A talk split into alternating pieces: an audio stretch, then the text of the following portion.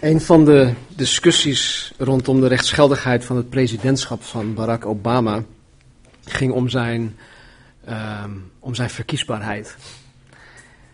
Zelfs twee jaar na zijn intrede als president waren diverse groeperingen, voornamelijk de Republikeinen, er niet van overtuigd dat president Obama in aanmerking kwam voor het presidentschap van de VS. Weten jullie waar dit over ging? Ja, ja. ja. Het ging over het feit dat Barack Obama geen geldig Amerikaans geboorteakte wilde vertonen. Nou, waarom is dat zo'n groot probleem? Omdat de grondwet bepaalt dat alleen staatsburgers van de VS zelf geboren moeten zijn in de VS om tot president gekozen te kunnen worden. Nou, voor de voorstanders van uh, Obama was dat nooit een probleem geweest, maar de oppositie, oppositie had, had er totaal geen vertrouwen in dat Obama daadwerkelijk in de VS geboren was en dus ja, hun president mocht zijn.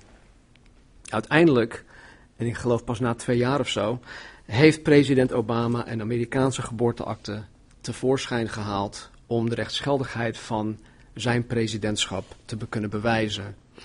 Nou, vanmorgen maken wij een begin uh, aan onze studie van het Evangelie van Matthäus.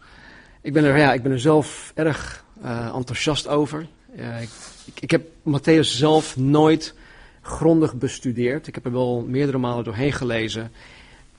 Gedeelten ertussenuit gehaald en bestudeerd, maar nooit in zijn geheel. En wat ik, ja, wat ik tot nu toe heb gelezen en gezien, joh, dat, dat, het is zo ontzettend rijk.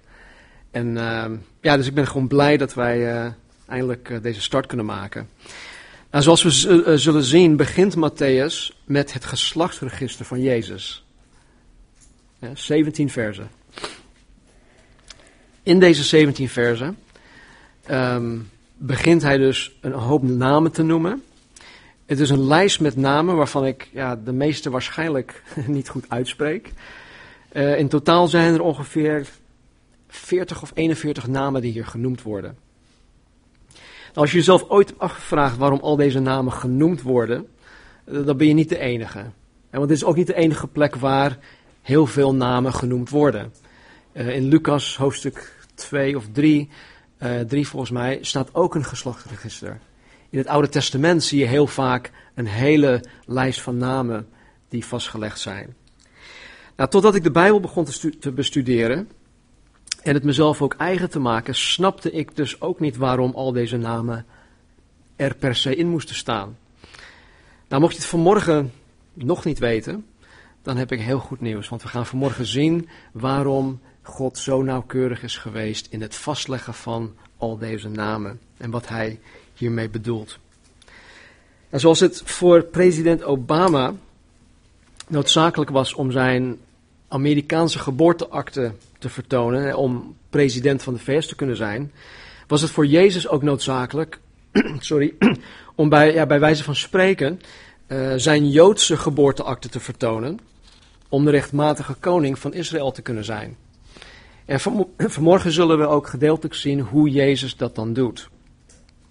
Even een stukje achtergrondinformatie, dat, dat ja, toch een, een, een, een um, alles in het juiste perspectief plaatst. Um, rond de tijd van Jezus' geboorte was Israël al zo'n 60 jaren bezet door de, door de Italianen, door de Romeinen. En een van de ergste aspecten van de Romeinse bezetting was het Romeins uh, belastingstelsel. Er werden voornamelijk twee soorten belastingen geïnd.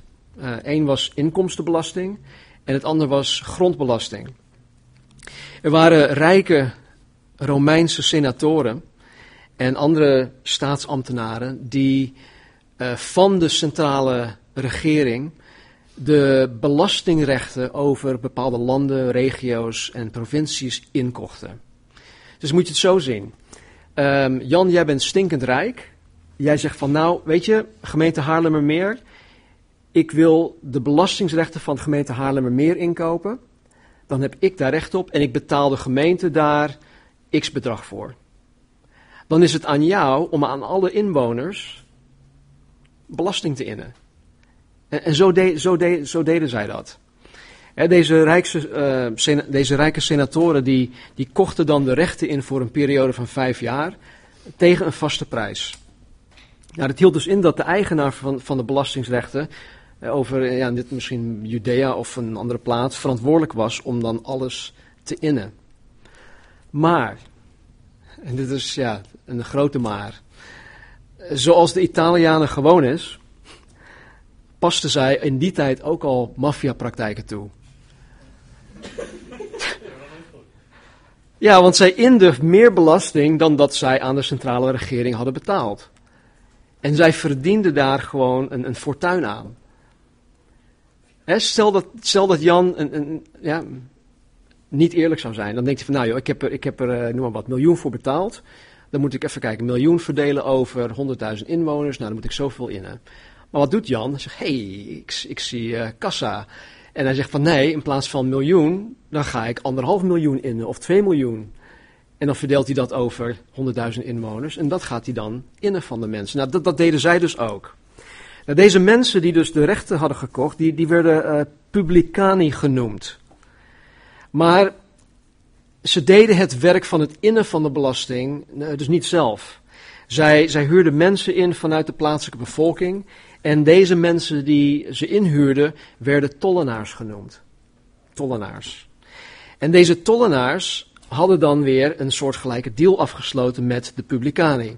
Eh, die de Publicani met Rome had afgesloten. Met andere woorden, alles dat de tollenaars boven het met de Publicanen afgesproken bedrag aan belasting kon innen, stopten ze in, hun eigen zak. En dat was dan, ehm, dat waren de tollenaars, waaronder Zacchaeus. Kennen jullie die? Kleine man, klom de boom in om Jezus te zien, komt tot bekering. Hij zegt, nou, ik geef, ik geef wat, viervoudig of zevenvoudig terug. Alles wat ik niet, uh, alles wat ik dus onrechtmatig heb geïnd. Dus dat geeft al aan wat voor, um, ja, wat voor mensen het waren. Het waren nog erger dan onze belastingmensen. Deze zijn tenminste nog, ja, die, volgen tenminste nog de wet. Um, ze stopten dus alles, ja, de winst in hun eigen zak. Dus wetende dat zij uh, de backing van Rome hadden, werden deze tollenaars, of waren, ze, uh, waren deze tollenaars zeer gemotiveerd om zoveel mogelijk belasting van de bevolking te innen, ofwel ja, af te persen. Ja, want hoe meer ze inden, hoe meer zij in hun eigen zak kunnen stoppen. Nou, je kan je voorstellen dat deze tollenaars niet echt populair waren. dus, sterker nog, ze waren gewoon gehaat door hun landgenoten. En dat is niet, zo, niet alleen zo omdat zij als afpersers gezien werden, maar ook als landverraders. In Israël werden ze gezien als het laagste van het laagste in de maatschappij. En ze werden gelijkgesteld aan ja, wat de Bijbel zondaren noemt, hoeren en heidenen, vanuit het Joods oogpunt. En deze Matthäus, ook Levi genoemd, de schrijver van het evangelie van, van Matthäus, was zo'n tollenaar. Matthäus was zo'n tollenaar toen Jezus hem riep om een van zijn twaalf discipelen te worden. We weten niet um, vanuit de Bijbel of Matthäus überhaupt een, een religieus persoon was. Maar we weten wel dat deze tollenaars verbannen waren van um, ja, het, het, het, religieus leven, van, van de, de synagoge en van de tempel. En dit kan misschien ook wel de reden zijn geweest dat Matthäus niet aarzelde toen Jezus hem riep. Want er staat in hoofdstuk 9 of hoofdstuk 10 van Matthäus, Jezus zei volg mij en hij liet alles vallen en hij ging achter Jezus aan. Um, het was ja, sowieso heel zeldzaam dat een, dat een tollenaar geaccepteerd werd en dat hij bevriend werd door een landgenoot, hè, dus een, een andere Jood. Maar het was ongekend dat een tollenaar bevriend werd door een rabbijn, een rabbi, een meester zoals Jezus. Die mensen wilden niks met deze tollenaars hebben. En hierin zien we dus gelijk al de genade van Jezus. Jezus ging af op het uitschot van de maatschappij en hij riep Matthäus om hem na te volgen en om hem te dienen. Nou, Matthäus is het eerste boek van het Nieuw Testament. Het is ook de eerste van de vier evangeliën. En eigenlijk moet ik zeggen dat er, er zijn geen vier evangeliën. Er is slechts één evangelie die uh, door vier schrijvers vastgelegd werd vanuit vier verschillende oogpunten met vier verschillende doeleinden. Ook vier verschillende doelgroepen. En Matthäus, het evangelie van Matthäus, is door een Jood aan een Joods volk geschreven om aan te tonen dat Jezus Christus de lang verwachte Messias en koning is van het Joods volk. Matthäus presenteert Jezus dus als de koning der Joden. En, en Matthäus legt de nadruk op Jezus' koningschap en hoe wij in het koninkrijk van God horen te leven. Wat wij moeten doen, wat wij moeten laten, wat wij, uh, hoe, wij, hoe wij ons horen te gedragen, enzovoort, enzovoort. Marcus presenteert Jezus als het tegenovergestelde. Marcus presenteert Jezus in zijn rol als een nederige dienstknecht. Lucas presenteert Jezus als de zoon des mensen, waardoor hij de menselijkheid van Jezus benadrukt. En Johannes presenteert Jezus als de zoon van God, waardoor hij de goddelijkheid van Jezus duidelijk naar voren haalt.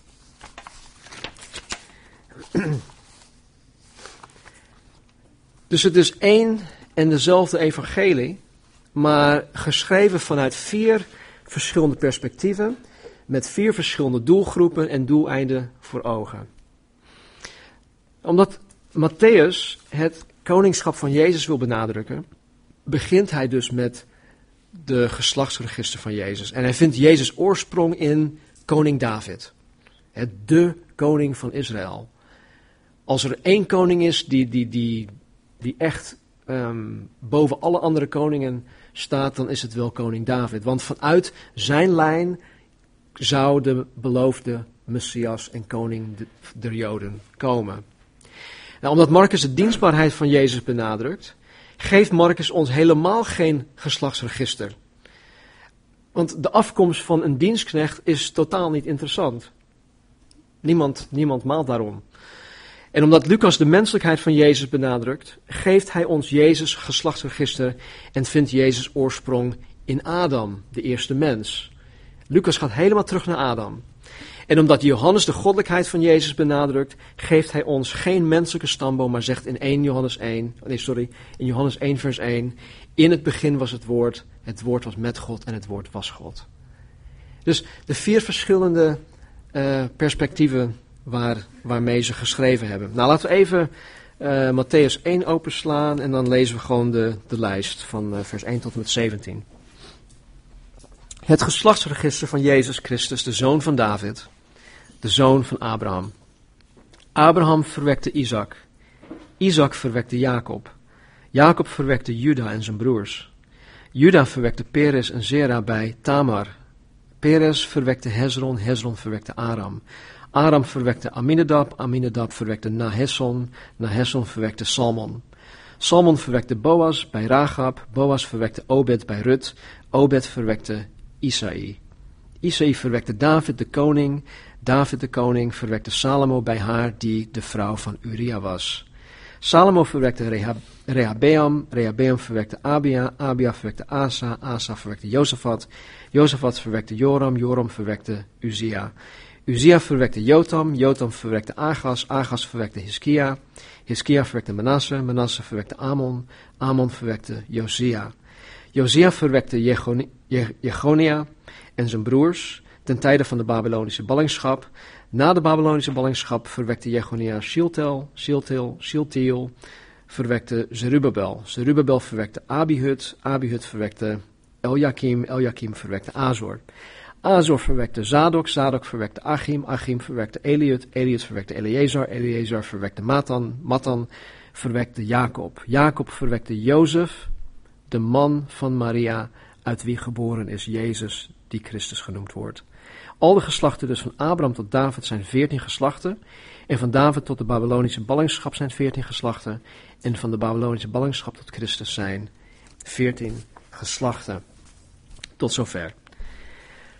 Nogmaals, omdat het hoofddoel van Matthäus is om Jezus recht op het koningschap aan te tonen, moet hij met heel veel bewijs komen.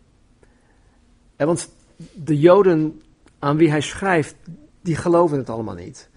En die zijn hardnekkig, die zijn koppig en die zijn helemaal gesloten voor het evangelie. Vandaag de dag nog steeds.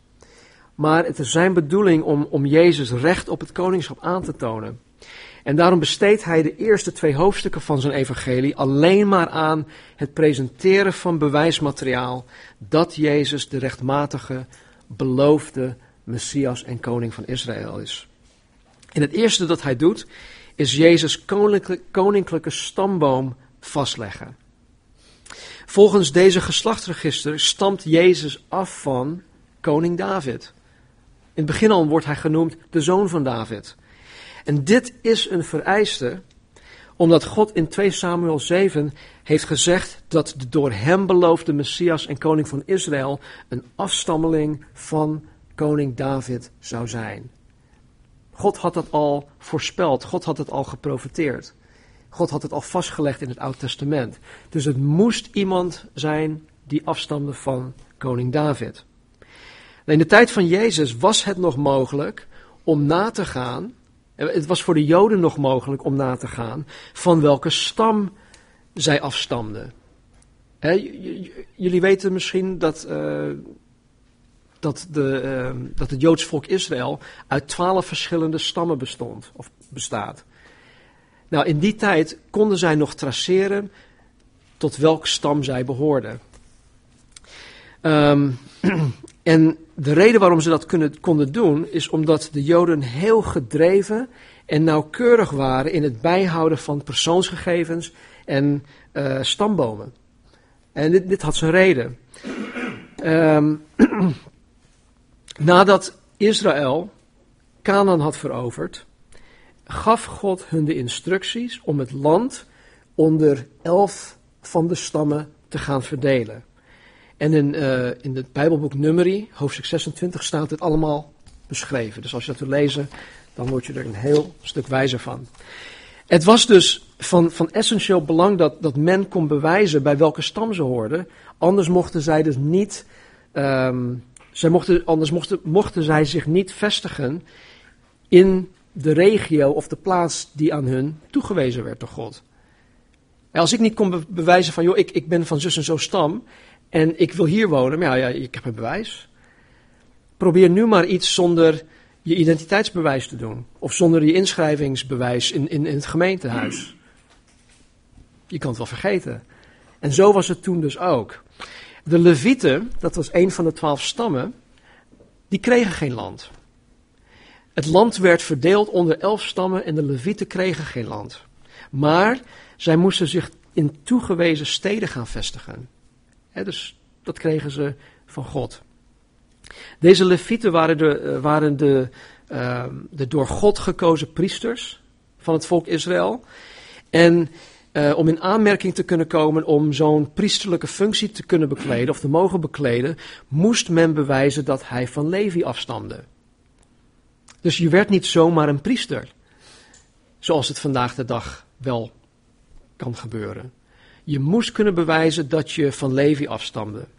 Alleen in het boek Ezra, in hoofdstuk 2, lezen we dat na de terugkeer van de Israëlieten uit hun ballingschap in Babylon, sommige zonen van de priesters geen priesters mochten zijn, omdat zij niet in het geslachtregister vermeld stonden. Hun namen stonden niet in de registers, dus mochten ze geen priesters worden. Deze mannen die konden dus niet bewijzen dat zij tot de stam Levi behoorden. En waardoor zij van het priesterschap geweerd werden. Dus afkomst en het kunnen bewijzen van je afkomst was voor Joden, dus voor, voor, voor verschillende redenen, van essentieel belang. In Jezus' geval was het nog meer belangrijk. In Jezus' geval was het nog meer, belangrijk om zijn afkomst aan te kunnen tonen, omdat hij de lang verwachte Messias en koning beweerde te zijn. Tot op het moment dat Jeruzalem in het jaartal 70 verwoest werd door de Romeinen, was het nog mogelijk om mens afkomst te traceren. Tot op het jaar 70. Na de verwoesting van Jeruzalem, waardoor alle Joden over de hele wereld heen verstrooid werden, was het niet meer mogelijk. Het hield op. dus sinds die tijd is het onmogelijk voor de Joden om hun afkomst na te gaan.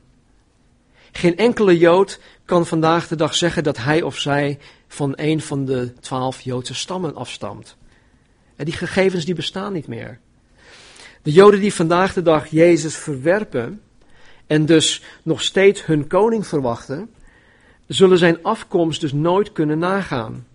terwijl het wel een vereiste is. stel dat zij denken van, nou, nou, dat is onze koning, dat is de Messias. Oké, hoe traceer jij dat dan terug naar koning David?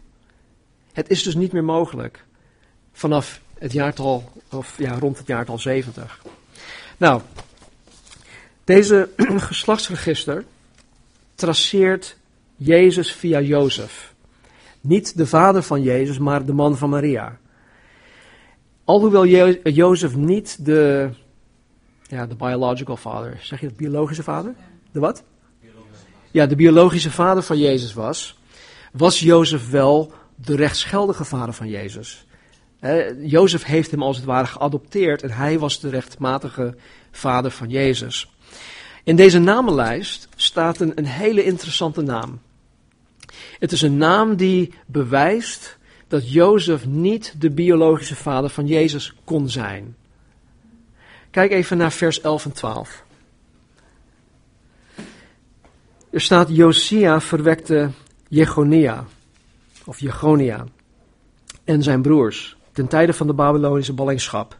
Na de Babylonische ballingschap verwekte Jegonia Sieltiel, Sieltiel verwekte Zerubbabel. Deze naam Jegonia, of deze Jegonia, hij wordt ook in het Oude Testament genoemd uh, en, en Gonia.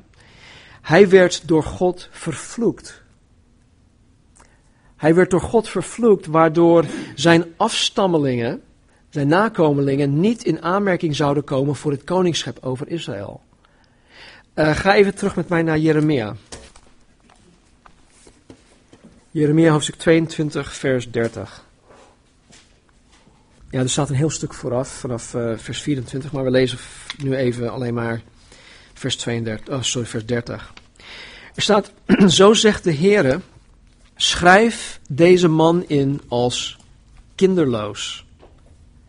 En dus, Jegonia moest in de, in de geslachtsregisters vastgelegd worden, ingeschreven staan als kinderloos, zegt God. Een man die niet voorspoedig zal zijn in zijn dagen. Niemand van zijn nageslacht zal immers voorspoedig zijn, zitten op de troon van David en weer heersen in Juda. Dus deze Jegonia, die, die, die kon, um, zijn nakomelingen konden niet in aanmerking komen om de koning van Israël te zijn. Hij deed wat slecht was in de ogen van de Heere, staat er.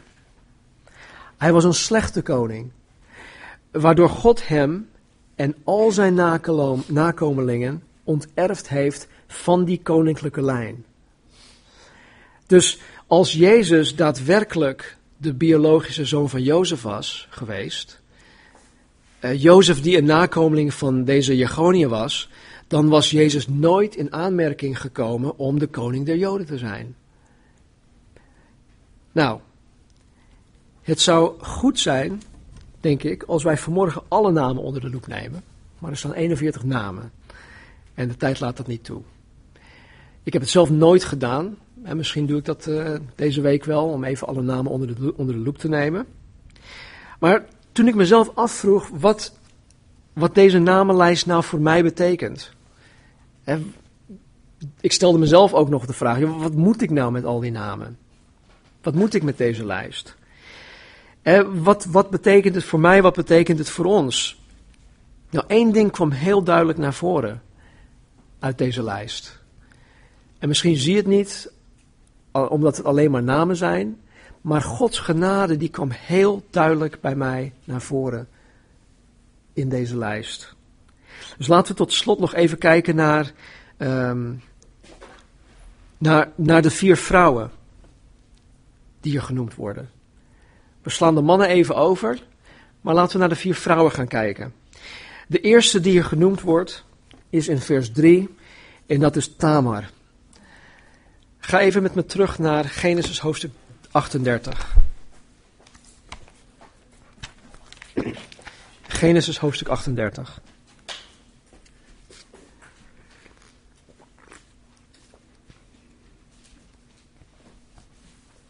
En alleen voor haar lees ik uh, best wel een stukje, een groot stukje tekst, die andere, voor die andere die niet. er staat, het gebeurde in die tijd dat Juda van zijn broers wegtrok. Juda was dan een van de twaalf zoons van Jacob. Juda vertegenwoordigt ook een van de twaalf stammen van Israël. Het gebeurde dus in die tijd dat Juda van zijn broers wegtrok en zijn intrek nam bij een man uit Adulam. Zijn naam was Hera. Juda zag daar de dochter van een Canaanitisch man. Zijn naam was Sua. Hij nam haar tot vrouw en kwam bij haar, dus ze hadden gemeenschap. Zij werd zwanger en baarde een zoon en gaf hem de naam Er. Daarna werd zij, weer zwanger, baarde een zoon en gaf hem de naam Onan. Ze baarde opnieuw een zoon en gaf hem de naam Sela. Hij was echter in Gezib toen zij hem baarde. En Juda nam een vrouw voor Er, zijn eerstgeborene. Haar naam was Tamar. Maar Er, de eerstgeborene van Juda, was slecht in de ogen van de Heere. Daarom doodde de Heere hem. Toen zei Juda tegen Onan, kom bij de vrouw van, de, van je broer. Met andere woorden, heb gemeenschap met de vrouw van je broer, je schoonzus. Vervul je zwagerplicht tegenover haar en verwek nageslacht voor je broer. Onan wist echter dat dit nageslacht niet voor hem zou zijn. Daarom gebeurde het, dat, gebeurde het telkens wanneer hij bij de vrouw van zijn broer kwam en dat ze gemeenschap hadden, dat hij zijn zaad op de grond verspilde om zijn broer geen nageslacht te geven. Wat hij deed was echter slecht in de ogen van de Heere. Daarom doodde hij ook hem. Toen zei Judah tegen Tamar, zijn schoondochter, ga maar zolang als Ga maar zolang als weduwe in het huis van je vader wonen, totdat mijn zoon Sela groot is. Hij zei namelijk, anders zal hij ook sterven, net zoals zijn broers. Zo ging Tamar weg en ging in het huis van haar vader wonen. Toen veel dagen verlopen waren, dus een hele lange tijd, stierf de dochter van Sua, de vrouw van Juda. dus uh, ja, zijn vrouw stierf. Daarna vond Juda troost en ging hij naar zijn schaapsheerders, schaapscheerders, naar Timna. Hij en zijn vriend hier uit Adulam. En men vertelde Tamar, zie, uw schoonvader gaat naar Timna om zijn schapen te scheren. Toen trok zij, dus Tamar, haar weduwkleed uit, bedekte zich met een sluier, omhulde zich en ging zitten bij de ingang van Enaim, dat op de weg naar Timna ligt. Zij had namelijk gezien dat Sela groot geworden was en zij aan hem niet tot vrouw was gegeven. En dus Juda hield zijn woord niet. Uh, hij hij, hij um, uh, had zijn belofte niet gehouden. Dat, dat hij Sela aan Tamar zou geven. Toen Juda haar zag, hield hij haar voor een hoer. Ze had haar weduwkleed afgedaan, ze had een sluier voor gedaan. Ze was waarschijnlijk uh, anders gekleed. En hij dacht van, joh, dit is een prostituee. Dus Juda hield haar voor een hoer, omdat zij haar gezicht bedekt had.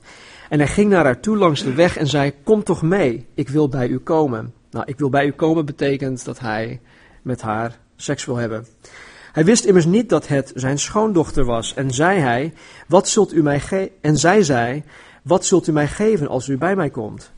En Judah zei, ik zal u een geitenbok van mijn kudde sturen. Ja, ze zei, goed, als u een onderpand geeft, totdat u het bokje gestuurd hebt. Toen zei hij, wat is het onderpand dat ik u zal geven? En ze zei, uw zegelring, uw snoer en uw staf, die u in uw hand hebt. En hij gaf ze haar, kwam bij haar en ze werd zwanger van hem. Daarna stond zij op, ging weg, legde haar sluier van zich af en trok haar weduwkleed weer aan.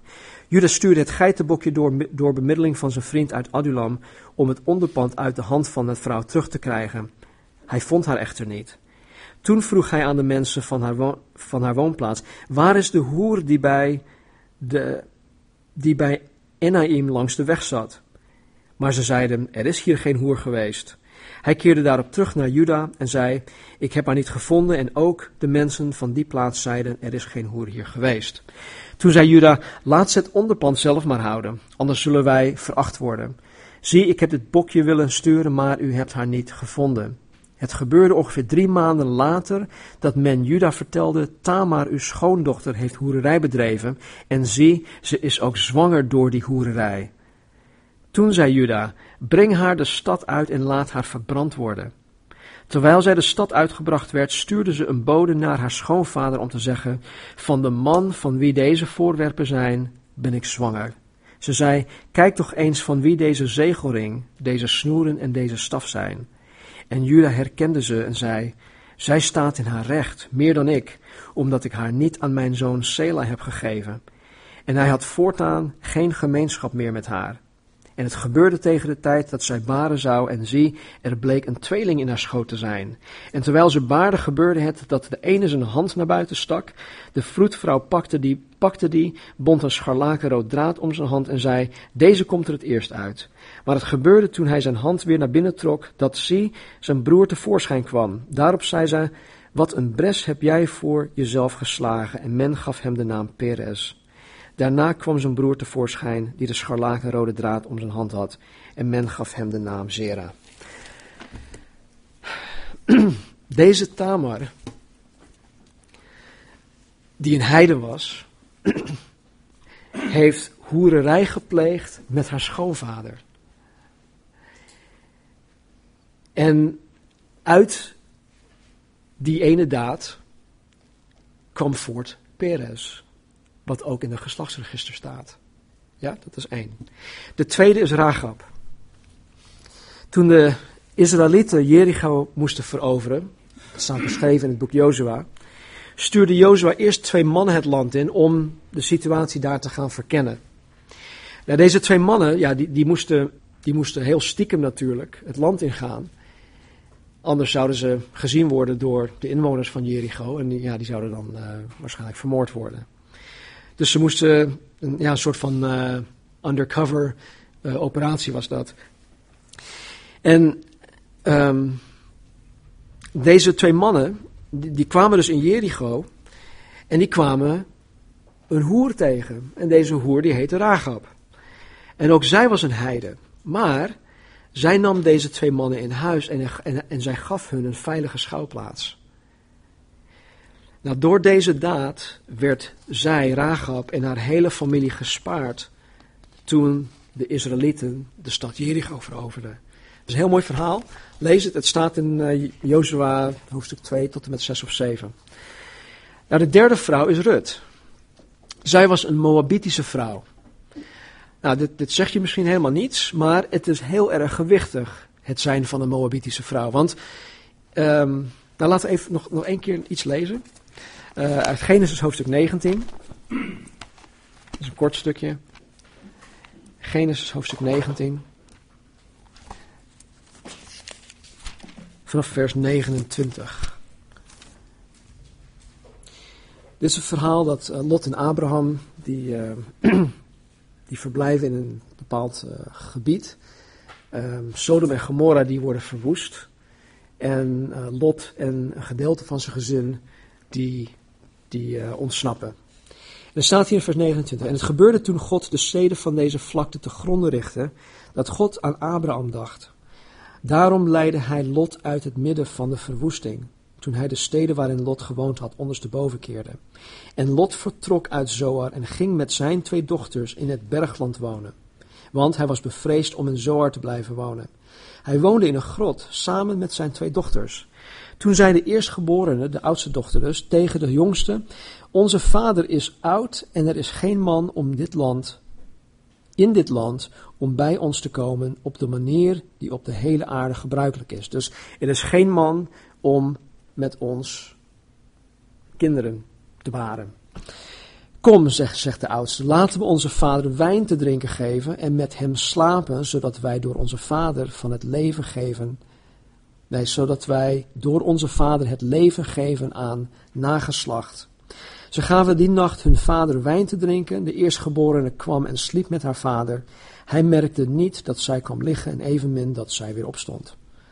En het gebeurde de volgende dag dat de eerstgeborene tegen de jongste zei: Zie, ik heb de afgelopen nacht met mijn vader geslapen. Laten we hem ook vannacht wijn te drinken geven. Kom, slaap met hem, zodat wij door onze vader het leven geven aan nageslacht. Ze gaven hun vader ook die nacht wijn te drinken en de jongste stond op en sliep met hem. Hij merkte niet dat zij kwam liggen en evenmin dat zij weer opstond. Zo werden de twee dochters van Lot zwanger van hun vader. De eerstgeborene baarde een zoon en gaf hem de naam Moab. Hij is de vader van de Moabieten tot op deze dag. De Moabieten kwamen dus voort vanuit een incestueuze relatie tussen Lot en zijn dochter. En Rut is voortgekomen uit incest. Eigenlijk alle Moabieten zijn voortgekomen uit incest. Daarnaast was het ook nog eens een heiden, of een heidin, zeg je het goed? Ze was heidens. Niet, ze was een niet-Jood. Een, een niet nou, de vierde, heel kort, is Bathseba, de vrouw van Uria de Hethiet. Zij heeft met koning David overspel gepleegd. En ze werd zwanger. Nou, het kindje dat daaruit voortkwam, die stierf. Maar nadat uh, koning David haar man Uria had vermoord, nam koning David haar tot zijn vrouw, tot, tot vrouw. En uit die relatie kwam voort koning Salomo. Nou, we hebben nu alleen nog maar heel kort naar deze vier vrouwen gekeken. Maar als je uh, ook nog eens de mannen onder de loep zou nemen, dan zullen we heel duidelijk zien dat in elk geval elk persoon um, of geen enkel, geen enkel persoon, geen van deze mensen in die lijst, waardig is om een voorouder te zijn geweest van de koning der koningen. Geen enkel persoon is waardig geweest om een voorouder te zijn geweest van Jezus. En de rode draad die ik door deze hele geslachtsregister heen zie, is Gods genade. Geen enkel persoon die op die lijst staat is waardig, zoals ik net zei. Geen enkel persoon heeft zijn of haar plaats in het geslachtsregister van Jezus verdiend. En geen enkel persoon zou het zelf goed kunnen maken om, als het überhaupt mogelijk was, eventueel een goede plaats te kunnen verwerven. En weet je, dat ben ik ook. Als ik naar die, laatste, die, namenlijst kijk, dan zie ik mezelf.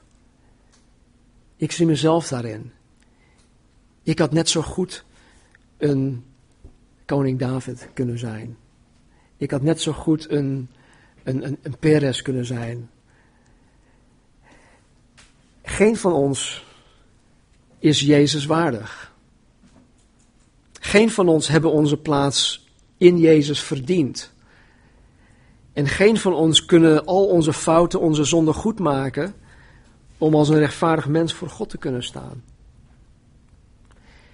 En, en daarom, daarom is Jezus 2000 jaar geleden naar ons toegekomen. Of naar de aarde toegekomen. Daarom is Jezus voor ons aan het kruis gestorven. En uit de dood weer opgestaan. En dit is het evangelie. En dit is het evangelie die zegt dat ondanks ik of wij niet waardig zijn, heeft Jezus ons waardig geacht om onze onwaardigheid en straf op zich te nemen. En ons tot waardevolle mensen gemaakt heeft door onze wedergeboorte. Het evangelie zegt dat ondanks ik of wij Jezus niet verdienen, Hij zichzelf aan ons en voor ons heeft gegeven. Het evangelie zegt dat ondanks ik en wij er zelf niets aan kunnen doen om onze fouten en onze zonden uit te wissen, heeft Jezus ons witter dan de sneeuw gemaakt.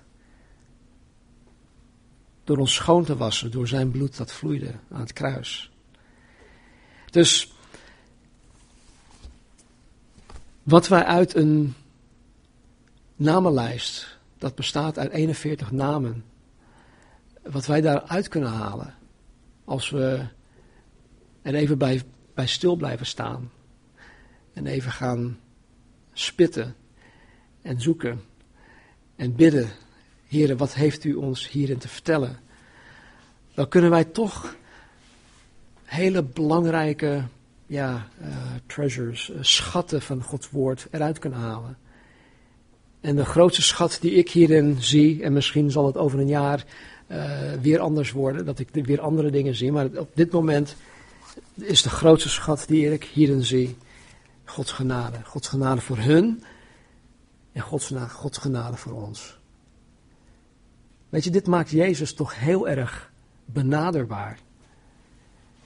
Ik weet niet hoe jullie zijn als je, uh, of hoe jullie je zou voelen of gedragen als je bijvoorbeeld even op de koffie bent bij koning, koningin Beatrix. Ik denk niet dat je op je gemak zal zijn. Ik zeker niet. Maar ik weet zeker dat wij op ons gemak zijn, zullen zijn of kunnen zijn, wanneer we even bij Jezus op de koffie gaan, bij wijze van spreken. En ik geloof dat in ieder van ons al iets van die genade en die liefde en die benaderbaarheid van Jezus hebben geproefd. En Jezus wil dat wij Hem nog meer op die manier gaan zien.